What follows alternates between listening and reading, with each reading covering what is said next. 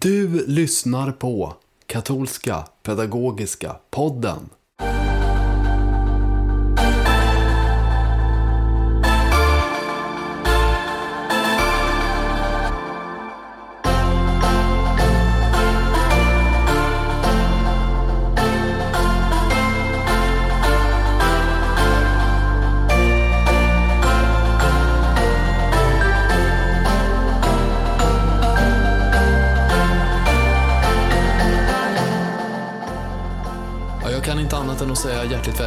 Dig som lyssnar. Det här är Katolska Pedagogiska Podden och avsnitt 10. Här sitter jag, jag heter Jim Lagerlöf och mitt emot mig sitter Ulrika Erlandsson. Halli hallå, Halli, hallå. brukade min mamma säga. Ja, jag förstår.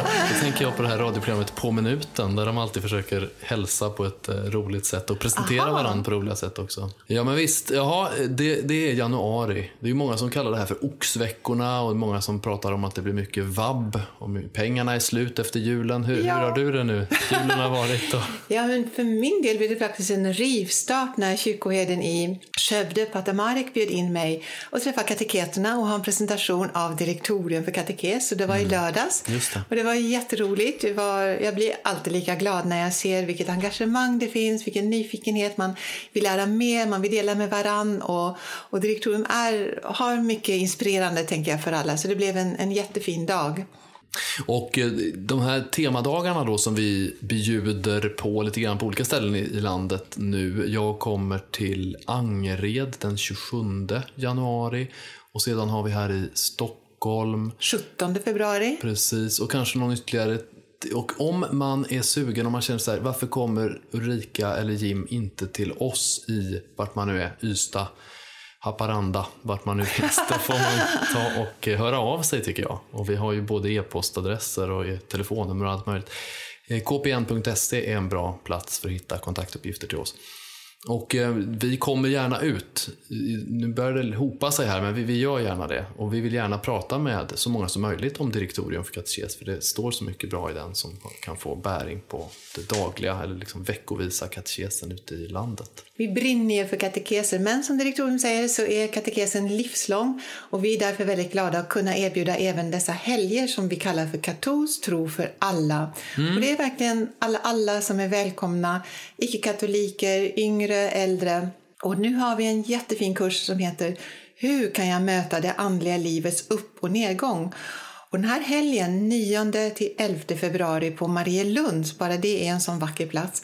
Det, det kommer vara lite ha reträttkaraktär och jag, jag känner verkligen att nu när det är ganska mycket oro ute i världen så behöver vi kristna ta ett steg tillbaka och ännu mer lyssna till vad, vad vill God, Gud säga till oss i, i denna tid. Och den här helgen är inspirerad av den helige Ignatius. Så jag vill verkligen rekommendera, för det kostar ju bara 350 kronor om man är max 28 år. Eller till och med 28 år. 650 om man är kateket och 1400 om man är något annat då. Eh, Så det är ju väldigt subventionerat. Och då är det mat och dryck och boende och Ja, alltihopa. det är all inclusive och det brukar bli en väldigt trevlig gemenskap eh, och väldigt uppskattade helger. Så titta gärna på vår hemsida om, om just denna kurs på Marielund, Katolsk tro för alla, med Andreas Karlgren. Just det, och det är lite sådär som ligger i pipeline. Det är väl mycket uppstartsläge nu och människor behöver titta igenom sin kalender såklart. Så då kan man se om man får plats för, med en kurs med oss på KPN. Och det kan vara uppstart också utav grupper eller så planerar man för uppstart längre fram. En sak som många har frågat om det är ju eh, presentationer att använda på föräldramöten. Ibland vet man inte vad ska man ta upp när man har ett föräldramöte inför första kommunion eller konfirmation. Och då gjorde vi en liten lathund, en liten hjälp. Så under ladda ner på vår hemsida, om man klickar in på kpn.se och trycker på resurser, så finns det att man kan ladda ner grejer. Och där finns två powerpoints. En för de som har första kommuniongrupp, om du vill visa när du presenterar vad, vad du ska göra under året, vad första kommunionen är för någonting och vad katolska kyrkan i Sverige är för någonting kan du visa den här för föräldrar på ett föräldramöte. Och samma sak inför konfirmationen. Vad är konfirmationen? Vem är biskop i Sverige? Alla möjliga saker. Lite introduktion och lite välkommen i gemenskapen. Och vad är katekes för någonting överhuvudtaget? För vi märker ju att det, det är många som behöver bli påminda eh, utav de som finns där ute. Föräldrar och eh, all, alla andra som finns runt omkring barnen. Precis, jag hörde om eh, när jag besökte en församling nyligen att det var en, en, familj från Polen som hade gått i flera år i Svenska kyrkan. Mm. Och de helt enkelt trodde att det var det var det som var katolska kyrkan i Sverige. Och då hade ja, katolska prästen svarat, ja men det, här, det finns ju kvinnliga präster, det är ändå lite skillnad. Och så de, ja men vi är ändå så långt borta hemifrån så de, de fick inte ihop det där. Så ibland kan det vara väldigt grundläggande saker som behöver förmedlas. Som till exempel att nu har ni kommit till den katolska kyrkan i Sverige. Mm. Vi har en biskop, vi har en påve. Alltså, väldigt så tydligt vad det här handlar och vad sakramentet och framförallt också vad föräldrar förväntas göra i förberedelsen av sitt barns mottagande av sakramenten. Så, så, sen kan man ju lägga till allt möjligt eget som man har lokalt i församlingen. Ja, men, men, jag tror att, att det kan vara en underlätta. enkel början. Mm. Ja. Nej, men alla behöver väl fördjupning, alla behöver Ibland behöver man säga självklara saker. Det är den känslan man kan ha i mm. kroppen när mm. man tittar över det här materialet. Det här avsnittet av podden, det tionde avsnittet, vi har hållit på nästan ett helt år nu. Eh, det har en intervju med en präst från Göteborg i centrum, fader Gustav, som jag träffade för några månader sedan när han var nästan alldeles precis nybakad, nyvigd präst.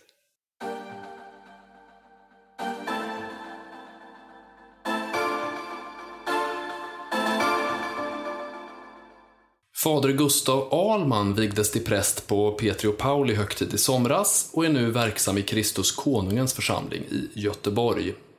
Han pluggade för att bli präst både i Sverige och i Frankrike och har nyligen översatt en bok från franska om den heliga Andes skola. Välkommen hit, fader Gustav. Tack så mycket. Så du är en ganska nybliven präst. Hur känns det? Ja, så i början var det väldigt speciellt att verkligen kunna fira mässan själv och höra bikt själv. Mm. Eh, och samtidigt kändes det inte så märkligt ändå eftersom jag hade tjänat så nära altaret som ministrant tidigare och diakon och följt med så i alla mässans texter. Så på ett sätt kändes det helt naturligt också. Men det är väl det som är bekräftelsen på att man har funnit sin kallelse helt enkelt, tänker jag. Men första mässan, hur, hur var det? Berätta lite grann. Ja, det var ju lite speciellt och det var i, eh, i domkyrkan då, på samma plats där själva prästvigningen hade ägt rum dagen innan.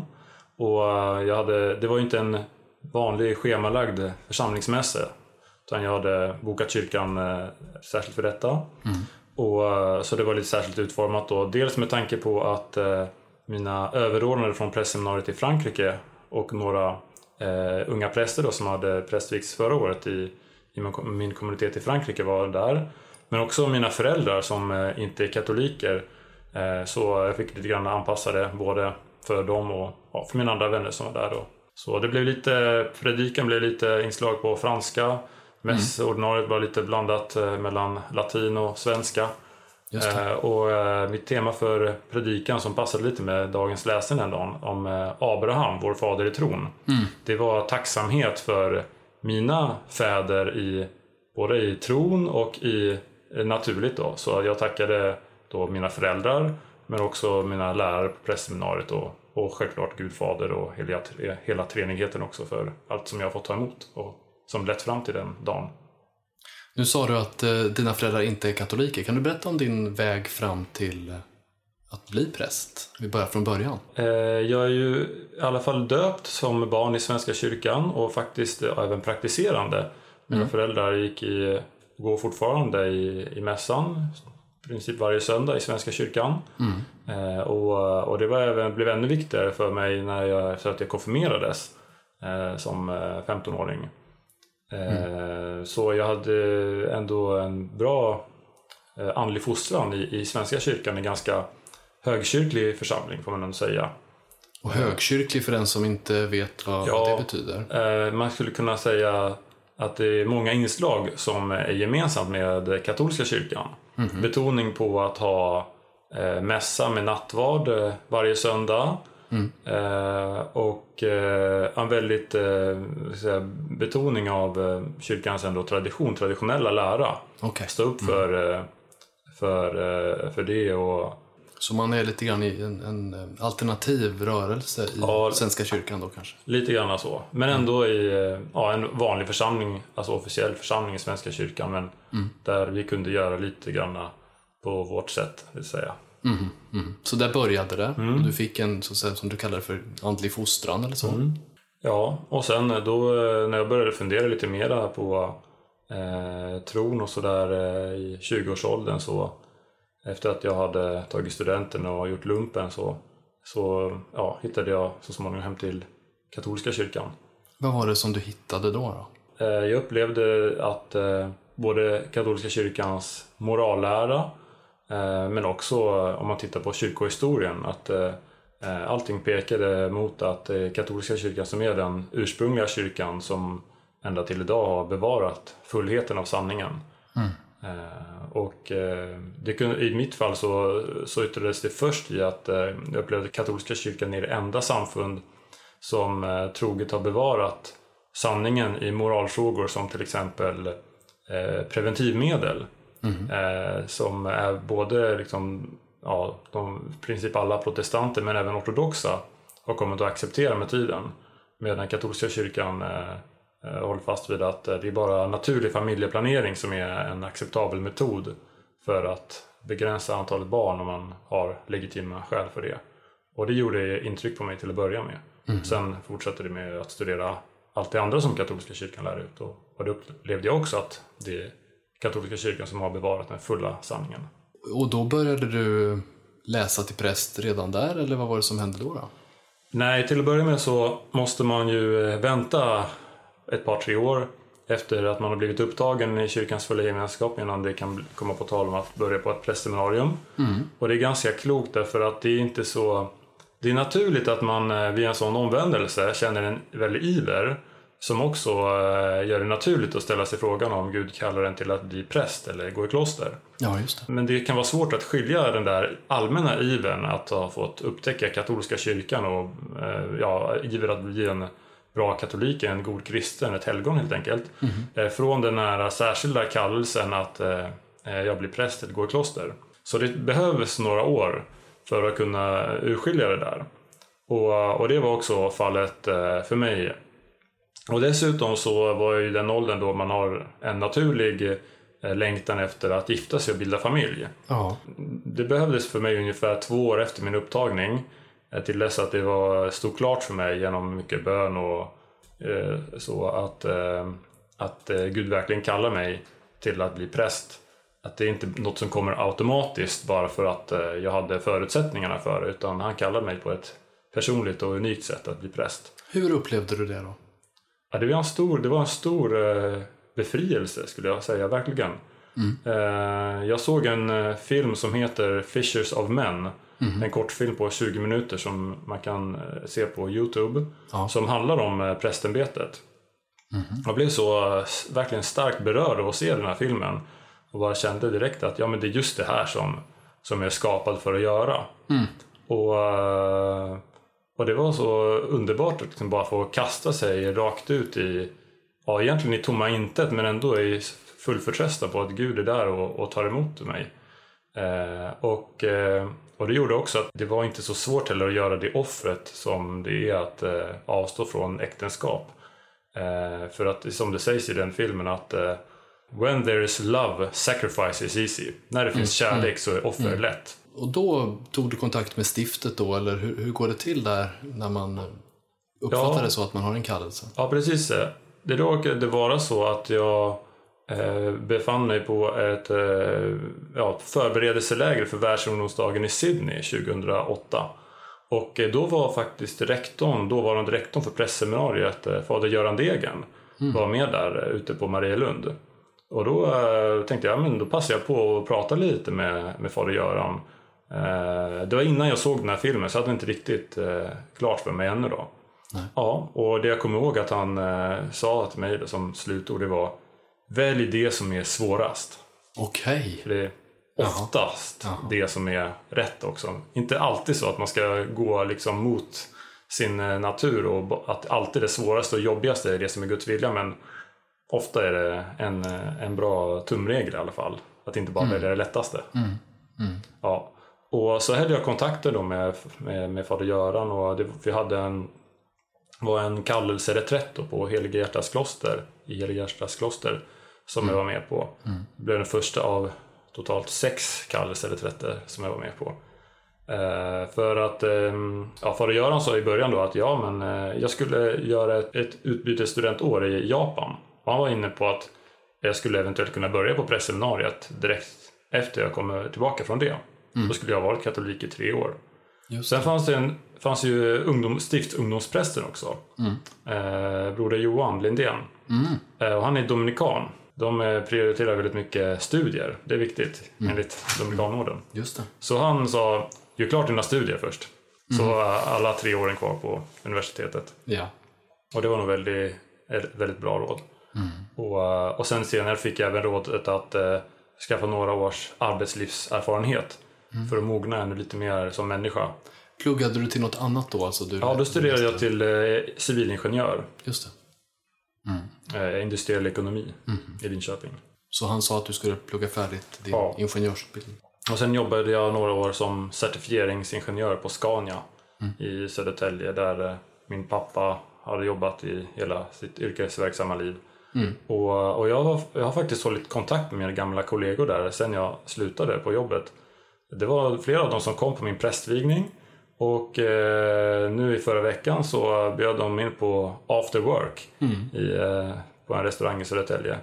Det, och det, det har hänt flera gånger att vi har, att jag har träffat dem på, på sommarloven. Så det, det är fint att kunna hålla den kontakten och vara lite vittnesbörd sådär. Hur var det att behöva vänta sådär då? Att liksom, du började inte på prästseminariet utan du arbetade med något annat ett tag och sådär. Fast du visste att du hade den här kallelsen. Mm, nej men jag eh, bestämde mig liksom, alltså jag levde re- redan från hela tiden som jag var katolik eh, med en väldigt eh, andlig disciplin. Liksom med, jag gick i mässan varje dag. Eh, Jag började ganska tidigt att be tidigärden. Eh, Ett tag ville jag be hela tidigärden men det blev lite för mycket. Men jag höll fast i alla fall vid laudes och vesper och kompletorium. Efter att jag hade varit på en reträtt hos karmelitbröderna så började jag hålla en halvtimmes eh, tyst inre bön också varje morgon. Eh, och, eh, så att eh, jag tänkte liksom, ja men om jag får vänta innan jag får börja på det riktiga prästseminariet försöker jag leva mitt eget prästseminarium här så långt det går här och nu. Så inte någon tid eh, förloras. Okej. Och, och det var också ett mycket bra tillfälle alla de här åren att växa i den mänskliga formationen. Därför att eh, man pluggar inte bara till präst. Det, det är en del att man studerar för att lära sig mer om tron. Eh, men det finns också tre andra dimensioner. Eh, och den mest grundläggande är mänsklig formation. Att för att kunna bli en präst så måste man först bli en man, eller en människa. Just det. Eh, och det är liksom i den dagliga relationen med andra människor som man övar sig på det. Det är lite svårt att sätta fingret på exakt hur, men ja, det är att mogna och växa som människa bara. Och sen finns ju det den andliga dimensionen också och den pastorala. Eh, så att det andliga och det mänskliga, eh, det, det utövade jag så mycket jag kunde redan under tiden jag fick vänta. Och även det pastorala, att jag ställde upp som kateket och ministrant och så vidare. Att du fanns nära församlingens naturliga verksamheter och så. Ja, precis. Och sedan så började du på seminariet och du har också läst i Frankrike då. Varför, varför har du gjort det? Varför åkte du till Frankrike? Ja, jag kände väl efter ett tag på pressseminariet i Uppsala att eh, jag hade en eh, längtan efter eh, någon form av eh, prästkommunitet. Eh, jag hade en väldig dragning till eh, den gregorianska sången, eh, latin, eh, liturgin eh, på, alltså latin i liturgin. Eh, Men också det som eh, det här mycket står för, en, en eh, ja, klassisk eh, teologi och sådär. Och, och det var mycket bra eh, alltså, intellektuell eh, utbildning där på Newman-institutet. Det har ingenting att att säga emot. Eh, Men det var lite svårt att ordna ett eh, liksom verkligen seriöst eh, prästseminarium när vi var bara fem kandidater. Eh, Och det har väl senare rektorer insett så småningom att det, var, det är svårt att göra en ett bra prästutbildning med, när man är så få. I alla fall utföra hela prästutbildningen så. Så sen dess har ju eh, våra svenska kandidater skickats till olika prästseminarier, framförallt i Rom. Då. Mm. Eh, men jag känner till den här eh, Communauté Saint-Martin, alltså Sankt Martins kommunitet. Eh, som jag hade jag träffat på under världsungdomsdagen i Madrid och, och sen hade jag framförallt eh, fått tag på deras eh, tidigärdsbok eh, som är eh, där man kan sjunga hela tidebönerna då, eh, på latin med gregoriansk sång. Och så har de Just det. tvåspalt för franska då men jag förstod ju ingen franska då. Så, att, Ehm, så jag var lite intresserad av den här eh, kommuniteten då. Eh, som, ja, man kan säga den är eh, den uppstod liksom efter andra Vatikankonciliet som en reaktion på eh, två eh, ska man säga, feltolkningar av andra Vatikankonciliet. Den ena då att eh, ja, nu är det fritt fram att göra lite vad som helst. Så att det var lite kaos där på pressseminarierna i Frankrike där på 70-talet. Eh, och sen den andra överreaktionen då att eh, bara gå tillbaka till hur det var innan, andra Vatikankonciliet. Så att eh, den grundaren till den här kommuniteten då var väldigt no- noga med att eh, vi ska följa allt som, allt som kyrkan eh, påbjuder, och inklusive andra Vatikankonciliet och liturgireformen och allting. Men sen eh, ändå försöka göra det i en, med en kontinuitet. Just så det. att, eh, är en till exempel kanske. att prästerna där eh, har sutanen då som gemensam arbetsuniform. Mm. Och att ja, att i möjligaste mån firar man liturgin då, mässan och tidigärden eh, på latin med gregoriansk sång. Sen Mm. med alla de anpassningar för aktuella förhållanden i församlingarna som, som, som krävs. Eh, Men att man försöker behålla eh, kyrkans traditioner men i eh, kontexten av idag. Så att man är samtidigt helt trogen mot kyrkans ledning och, och nuvarande påven och, och så. Och det tilltalade mig mycket den inriktningen som den här kommuniteten hade. Och, och det slutade med att eh, jag fick eh, då efter några år då så bad jag eh, Alltså jag flyttade först till den här kommuniteten med rektorns välsignelse att eh, om det är din kallelse så måste du, klart att du ska följa det. Eh, Sen visade det sig att jag var inte riktigt gjord för att vara präst i Frankrike.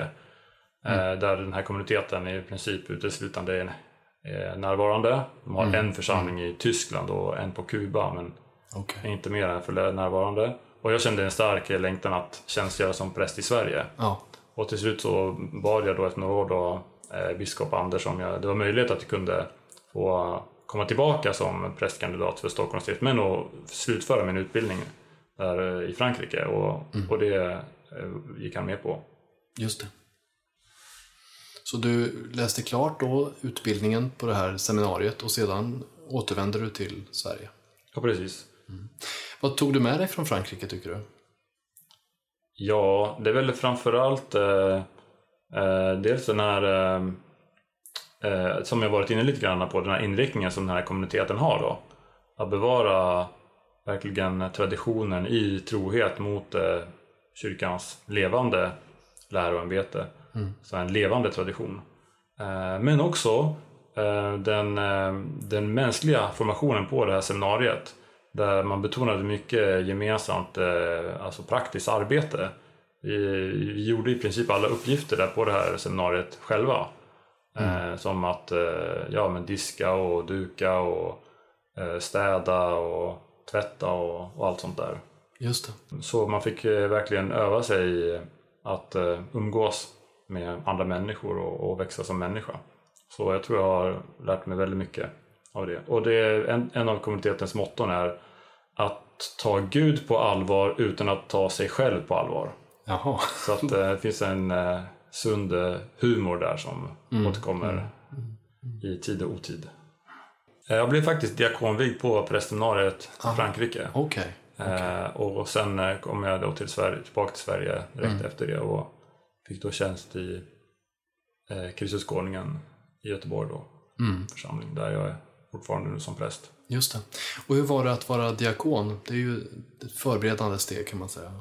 Ja, det är ganska eh, bra som eh, förberedelse för prästämbetet. Alltså, det finns ju såklart de som är, förblir ständiga diakoner. Mm. Men eh, det är bra att man får eh, utföra vissa uppgifter då som, som eh, man kommer göra sen också som präst. Då. Mm. Som eh, dop och begravningar och en vigsel han är med också. Mm. Eh, undervisning, predikan eh, och samtal. Eh, att få eh, förbereda altaret till mässan, eh, läsa eller sjunga evangeliet och eh, göra rent altarkärlen och så vidare. Så att ja, det blir inte allt nytt liksom när man sen blir prästvigd utan, utan bara det, det viktigaste egentligen då, att fira mässan och höra bikt. Du prästvigs ju på Petrus och Paulus på deras festdag. Eh, Hur var det att det blev just på den dagen?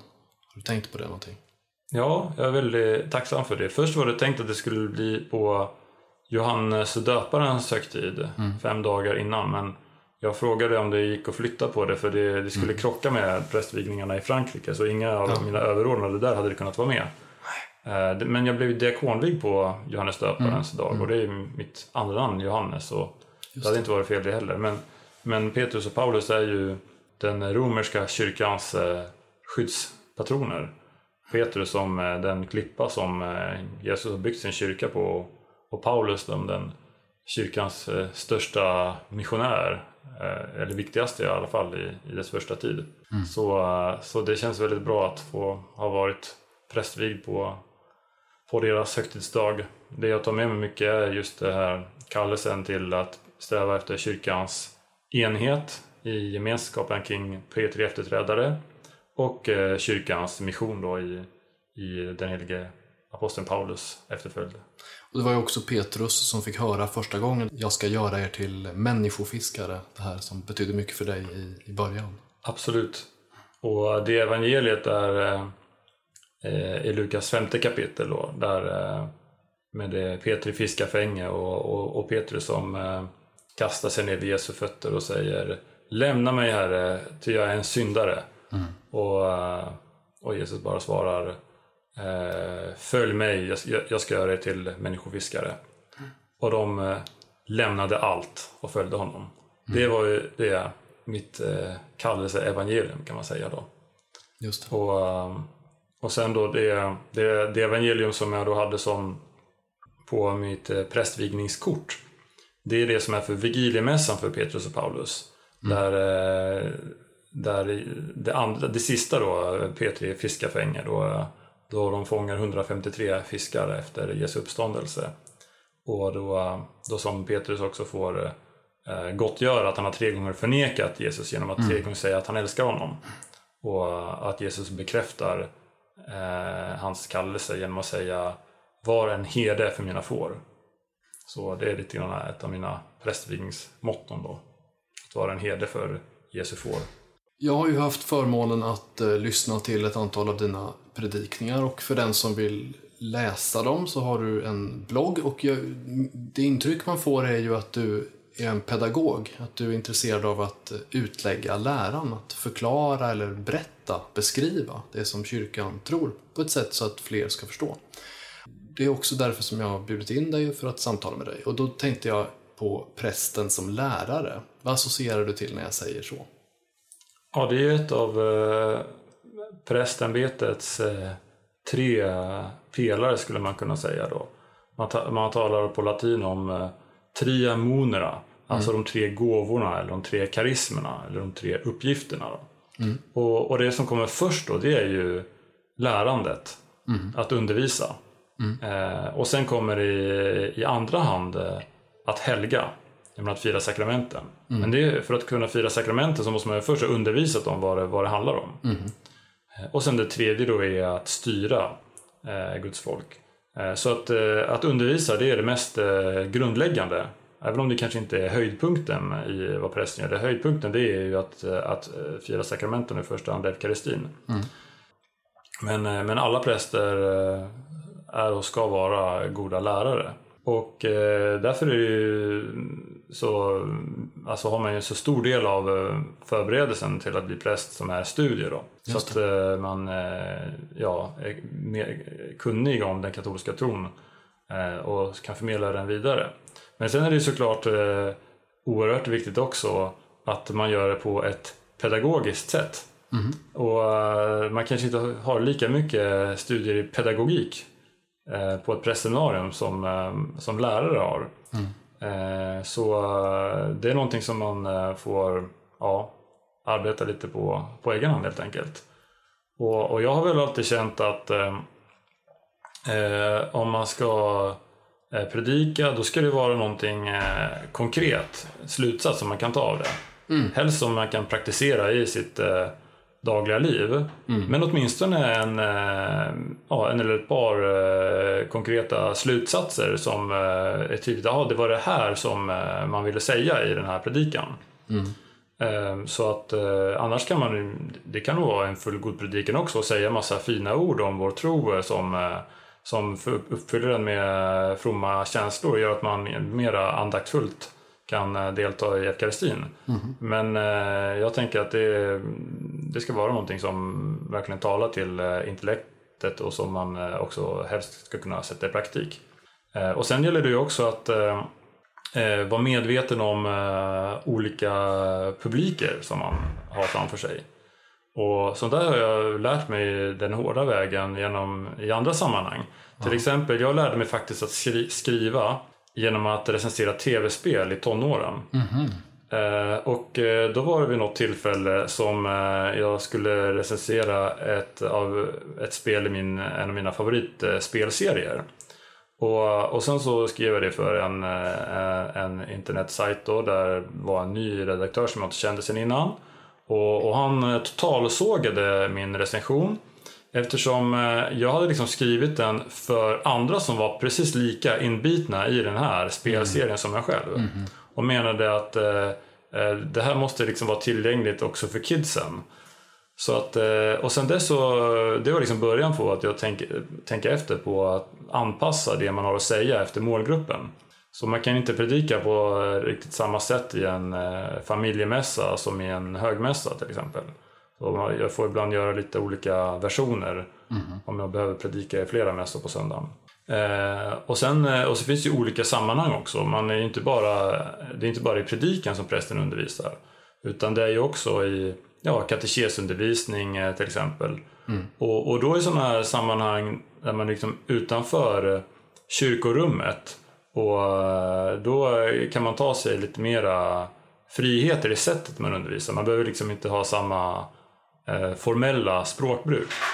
Och framförallt att man kan göra det mer till en dialog, eller man bör göra det mer till en dialog när man undervisar barn och ungdomar. Mm. Eh, och, eh, och där brukar jag använda som det mest eh, klassiska eh, retorikgreppet som är eh, Sokrates majevtik. Mm. Det vill säga liksom barnmorskemetoden. Mm. Alltså att eh, försöka, det är inte jag själv som ska undervisa utifrån utan försöka bara hjälpa den, den som blir undervisad att eh, själv eh, förklara. Eh, alltså ta, hjälpa den att ta fram den kunskapen som redan finns. Mm. Eller åtminstone att man ställer liksom ledande frågor. Dels då ser man ju vad, vad, vad kan de redan? Behöver inte gå in på det igen. Eh, och ställa ledande frågor så att de kommer själva fram till svaret så småningom. Mm. Eh, och då blir det, en, eh, det blir, så blir det mer interaktivt, det blir en, dialog och man, man kommer närmare varandra. man vet vilken nivå man ska lägga sig på. och, och det fastnar bättre också att, när de får vara lite aktiva själva. Så ja, det gäller lite grann där att upptäcka olika pedagogiska metoder för olika sammanhang. Som jag också sa i inledningsvis här så har du varit med och översatt en bok från franskan som en man som heter Jacques Philippe som är lite grann utav en andlig vägledare har skrivit som heter I den helige andes skola. Bara titeln där tycker jag är väldigt vacker. Eh, vad associerar du själv till när du hör titeln? Ja, alltså till att börja med så eh, när jag läste den här boken eh, så insåg jag att eh, den är i samma stil som de tidigare böcker av eh, Jacques Philippe som har översatts till svenska och tyckte väl att om man, den saknades lite grann i det svenska utbudet. Mm. Eh, och ehm, eh, alltså den helige Ande är ju den minst påtagliga av de tre personerna i treenigheten. Så man kan bli lite eh, fundera vad, vad är exakt som det, det kommer handla om då. Eh, på omslaget till den franska utgåvan som jag läste då, då är det eh, en mamma där som är ute och går med sitt lilla barn. Som för att uttrycka på något sätt att eh, ja, det handlar om att bli vägledd av den helige Ande. Och det är väl det som, eh, som eh, bokens eh, tema är i första hand då. Eh, Man skulle kunna, det handlar väl delvis också om att eh, ja, den helige Andes skola det är att helighetens skola helt enkelt. Att den helige Ande är väl den av de tre personerna i treenigheten som associeras med i första hand med eh, helighet. Den som eh, hjälper oss eh, idag att växa i helighet. Eh, men eh, också då med, genom sina sju gåvor. Och den gåva som betonas mest i den här boken, som jag uppfattar det, är klokhetens gåva. Och det innebär ju då att hur man fattar konkreta beslut eh, i eh, specifika situationer. Eh, det är såklart att den helige Ande talar till oss också genom kyrkan, genom eviga sanningar och påminner oss om det. Som, som Jesus lovade att jag ska sända er en annan hjälpare och han ska leda er in i hela sanningen. Eh, Så att det är liksom den helige Ande som vägleder kyrkans herdar och framförallt påven då. Eh, Så att allt som Jesus inte hann med att säga eller som inte apostlarna förmådde ta emot under Jesu jordeliv. Det undervisar kyrkan eh, fullheten av idag. Eh, Men framförallt i den här boken så är det ju som sagt då hur om hur den helige Ande inspirerar oss och ger oss ingivelser hur vi ska agera i konkreta situationer. Personligt. Och, då. Mm. och, och hur eh, man eh, övar sig i att, att lyssna till det här. Och, så att man kan eh, bli ännu mer följsam gentemot den helige Ande. Och det tyckte jag var ett väldigt viktigt budskap. Och sen är det en ganska kort bok också så att jag tyckte att jag ville göra ett litet bidrag till att göra den mer känd på den svenska marknaden. Jag tycker ju att själva begreppet eller namnet på boken tilltalar också i vidare bemärkelse, inte bara utifrån vad just den här boken handlar om, utan man kan tänka att det kristna livet handlar om att gå i den helige Andes skola, att kyrkan är den helige Andes skola, eller också partik- partikulärt då liksom att katekesen är den helige Andes skola, eller gudstjänsten är den helige Andes skola. Ja, men visst. Det är en, en bredare tolkning av titeln som, som stämmer i, i allra högsta grad. Eh, därför att eh, om man ska eh, och det, det, det ingår här också, i, i, det tas upp också i boken, att eh, eh, liksom de, de främsta sätten att ta reda på vad Guds vilja är i en konkret situation, det är ju de, de eviga sanningarna. Den, eh, det som vi får lära oss i, i katekesundervisningen, i, i, i katekesen helt enkelt, i Bibeln i första hand giv- givetvis. Eh, som, eh, och Bibeln har ju skrivits ner eh, genom inspiration av den helige Ande. Så att det är klart att den helige Ande är med eh, överallt. I allt som vi lär oss om, om Gud och eh, om kyrkans lära. Och, ja. Hur tänker du att den helige Ande är som pedagog? Har du tänkt någonting kring det? Ja, det är väl den, eh, den perfekta pedagogen helt enkelt. Eh, Det är väl just det- det som omslaget till den franska utgåvan eh, pekar på. Det är den som, den som pedagog är ju eh, den som eh, ledde med, slaven som ledde med barnen till skolan. Eh, Så att eh, så det är ett, ehm, eh, ja, den helige Ande vet liksom när eh, man behöver göra lite svårare operationer som kan göra lite ont ibland för att eh, lära en eh, viktiga saker. Eh, ibland måste vi ju prövas i den helige Andes eld för att utvecklas i det andliga livet. Så um, ja, den helige Ande, det, det, är såklart, det är inte bara att den, han undervisar oss om sanningen utan han också helgar oss som sagt. Men det där går lite in i varandra. Mm. Ibland kan man vara väldigt eh, fäst vid eh, vissa inarbetade idéer, vissa mm. tolkningar som kan vara lite förenklingar.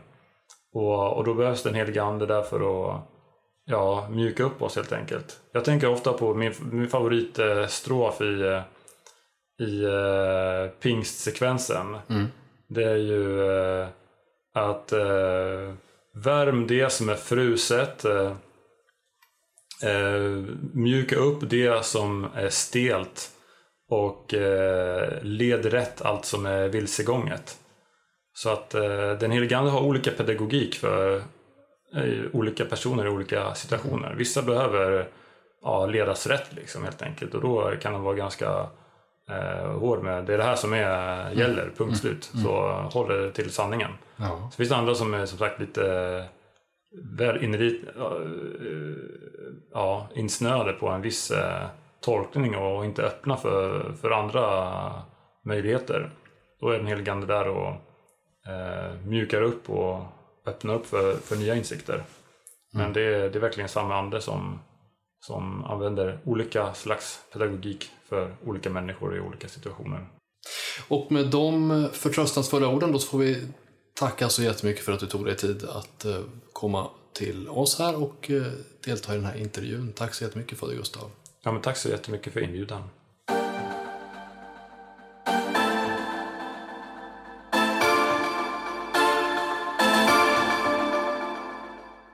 Ja, då har vi lyssnat på Fader Gustav. Det var jättespännande att få höra. Är lite häftigt också med hela den här biografin. Och mm. Det jag blev särskilt berörd av det är ju hans uthållighet. Att det här var en ganska lång väg för honom. Han rätt tidigt ändå fick det här redan vid sin konversion. Ja. Att han kände en presskallelse och att han ombads att avvakta, vänta och gå färdig sin utbildning. Och att han under hela den här tiden bara växte i sin längtan och, och kallelse och läste Tidigärden och, ja, och hade en lång, lång del, många år i Frankrike och att, att det var en sån lång resa som ändå kom till ett lyckligt slut och att han fick landa och, och framförallt fint att han fick komma tillbaka till Sverige. Så det, det var väldigt fint att, att få, få höra hela den här långa vägen. Även intressant att höra hans reflektioner just kring det här med prästen som kateket, eller i katekesen. Att han finns med där, att eh, vi som kateketer inte ska vara rädda för att dra in prästen, eller ibland kanske man kan känna att man behöver dra tag i att han inte ska prata för mycket, men det beror lite på hur sammanhanget ser ut där man finns. Men att man behöver prata med prästen tror jag är viktigt som ja, kateket. Att ja. man liksom stämmer av. Vad ska vi göra? Hur ska vi göra det? Vad kan du bidra med? Vad kan jag bidra med? Hur gör vi det bra tillsammans. Jag tyckte det var väldigt fint att han sa att det är faktiskt en av prästens absoluta huvuduppgifter att undervisa, mm. Förutom att fira sakramenten. Och vi glömmer bort det. Jag tänker på den här boken om vad det är frälsning. Där skriver Pater Dominik väldigt tydligt att det är inte bara på korset som Jesus frälser oss, utan det är också när han helar eller när han undervisar oss. Just det. Själva undervisningen är en del av det som frälser oss människor och det tycker jag var väldigt vackert eh, sagt här också av Fader Gustav. Du tänkte på den här boken från Veritas, deras eh, kort introduktion ja, till frälsningen. Precis, precis. Mm, För då, då, lyfts det här fram att eh, allt Jesus gör är, är frälsande och naturligtvis orden, det vi undervisar, det är också en så viktig del. Ja, Jo men exakt. Och, nej, men det är det jag menar. Vi behöver eh, se på att prästen är en otrolig resurs. Och det är också bra för barnen att få träffa prästen i ett lite mer avslappnat sammanhang, inte bara i mässan eller i vikten där man kan vara nervös och orolig, utan att man får träffa lite mera där man kan få sitta ner och samtala, prata med varandra, mm. umgås mm. öga mot öga och så vidare. Prästen är en vanlig människa. Och jättefint tycker jag det här när han beskriver barnmorskemetoden. Mm. Den har jag också nämnt och inspirerats av många gånger. Det här med att man, man har en tilltro till att det innerst inne i varje människa eh, Anden är redan där och, och det gäller på något vis att hjälpa människor igång med processen att själva hitta svaren på, på deras frågor. Och då, då finns chansen då blir den så mycket större för att det verkligen också blir ett mer varaktigt svar när de själva är med och, och, och producerar. Man måste ibland locka fram det helt enkelt. Det tycker jag var väldigt fint hur han beskrev också. Att eh, sanningen redan finns där på plats, djupast om man gräver lite grann. Mm.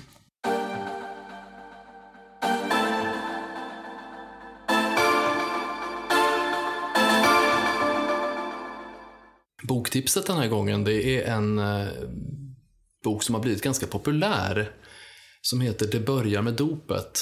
Vad är det för typ av bok? Det var helt enkelt så att jag mer och mer mötte kateketer som sa ah, men vad gör vi med alla de som kommer insläntrandes och de är 10, 11, 12 och de har missat tåget då Ja, för förberedelsen när kommunionen när de var 28 år. Mm. Och vad gör vi med dem nu? För hittills fanns ju bara de här grundböckerna, då bok 1 och bok 2, men de är ju skrivna för 7 och 8-åringar och vad gör vi då när man har en 11-åring?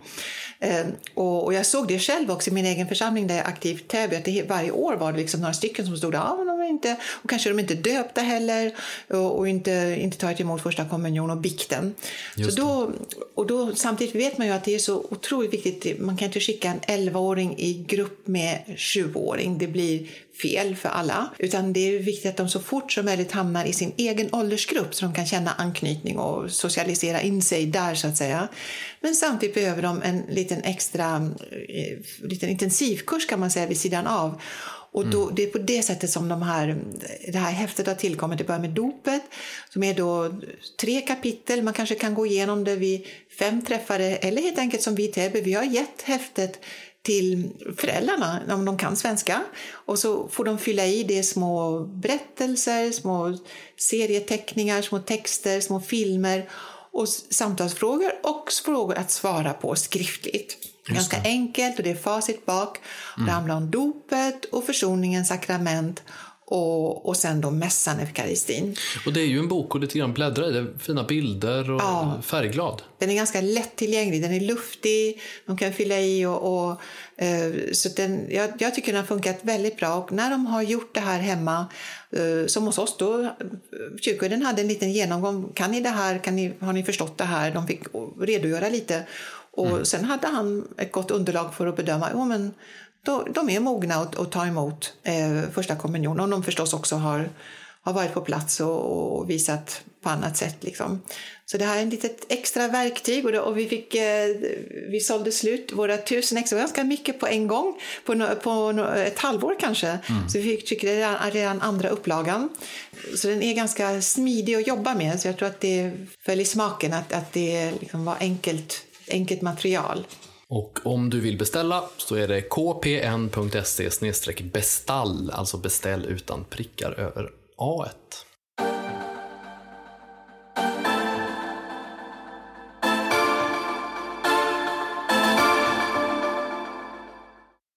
En fråga som blir den här poddens fråga till sist då det är Ingen i min grupp vill säga någonting. Vad gör jag då?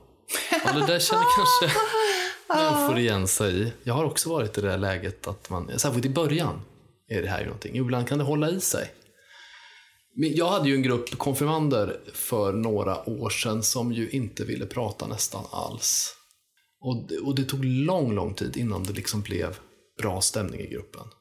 Men jag, jag brukar säga att man måste liksom skapa en atmosfär där, där man tvingas göra bort sig lite grann. Där både vuxna och barn får snubbla till. Liksom för att eh, risken är att man går omkring och håller upp en mask eller en fasad. Jag är cool, jag är tuff. Mig är det ingen som kan eh, liksom rå på. Och det där kan förstöra väldigt mycket tror jag. Därför att eh, vi är inte sådana egentligen vi människor. Så man måste försöka göra något kul som gör att man liksom sänker garden. Jag, jag tänkte också på att jobba kreativt, till exempel dela ut en lerklump.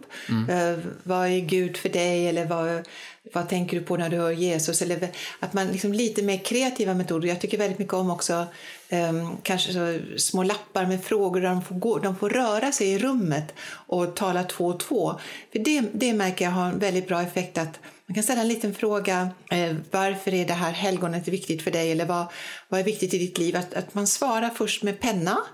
Mm. På, lite, lite, men bara för att lite grann hjälpa till att fokusera och få igång den egna reflektionen. Och sen vända sig till sin granne. Och, och, och då talar man bara två och två. Och då får ju alla börja prata samtidigt också. Och alla pratar med grann. Och då har, har man liksom fått igång dem och, och prata och dela med sig. Och, och, men viktigt att jobba med det. Och jag vet också att när jag var ny som konfirmandledare så kämpade jag också med att jag ena året hade en konfirmandgrupp som pratade hur mycket som helst och till min förvåning kom det nästa år en grupp som var knäpptysta och där var jag också ja, väldigt förvånad. Men det finns små knep det här med två och två, lekfullhet, lite drama, lite ja, kreativa saker. Jag gjorde ju stafettskrivning med en grupp konfirmander på ett, på ett läger i Värmland en gång. Och eh, då hade de varit i princip tysta i en hel vecka. Vi skulle vara där på det här lägret i två veckor. Nej men oj! Och sen gjorde vi stafettskrivning, så vi satt på kvällen och så skulle man, alla fick, vi valde ett tema som kanske var det bästa sommarlovet och så fick alla skriva en inledning och så skickade man vidare och man fick bara se sista raden på vad den till höger hade skrivit då. Ah, Så fick man skriva en fortsättning, skicka vidare, skriva fortsättning. Man fick bara fortsätta se den här korta lilla raden av den tidigare, vad den tidigare hade skrivit. Och sen till sist fick man tillbaka sin berättelse och skulle läsa upp den. Och då, då liksom brast det för så många, så då blev det, stämningen blev helt förändrad. Och det var så skönt. Det var som att någonting lossnade ordentligt. Så att, all, första veckan var väldigt jobbig på det sättet, socialt väldigt trög. Och sen bara öppnade alla upp sig och blev väldigt ja, härliga vad och glada. härligt. Mm, det är ett minne jag har. Eh, Det finns säkert många andra sätt och många, alla grupper är olika, så är det ju. Man får tänka på det. Att eh, det finns inte ett sätt som funkar i alla grupper. Det här som du har lyssnat på nu, det var det tionde avsnittet av Katolska Pedagogiska podden. Vill du skriva till oss? Har du frågor, tips, funderingar? kpn katolskakyrkan.se Ja, med de orden så är vi glada och tacksamma över att du har lyssnat. Och vi hörs om en månad ungefär. Hej då! Hej då!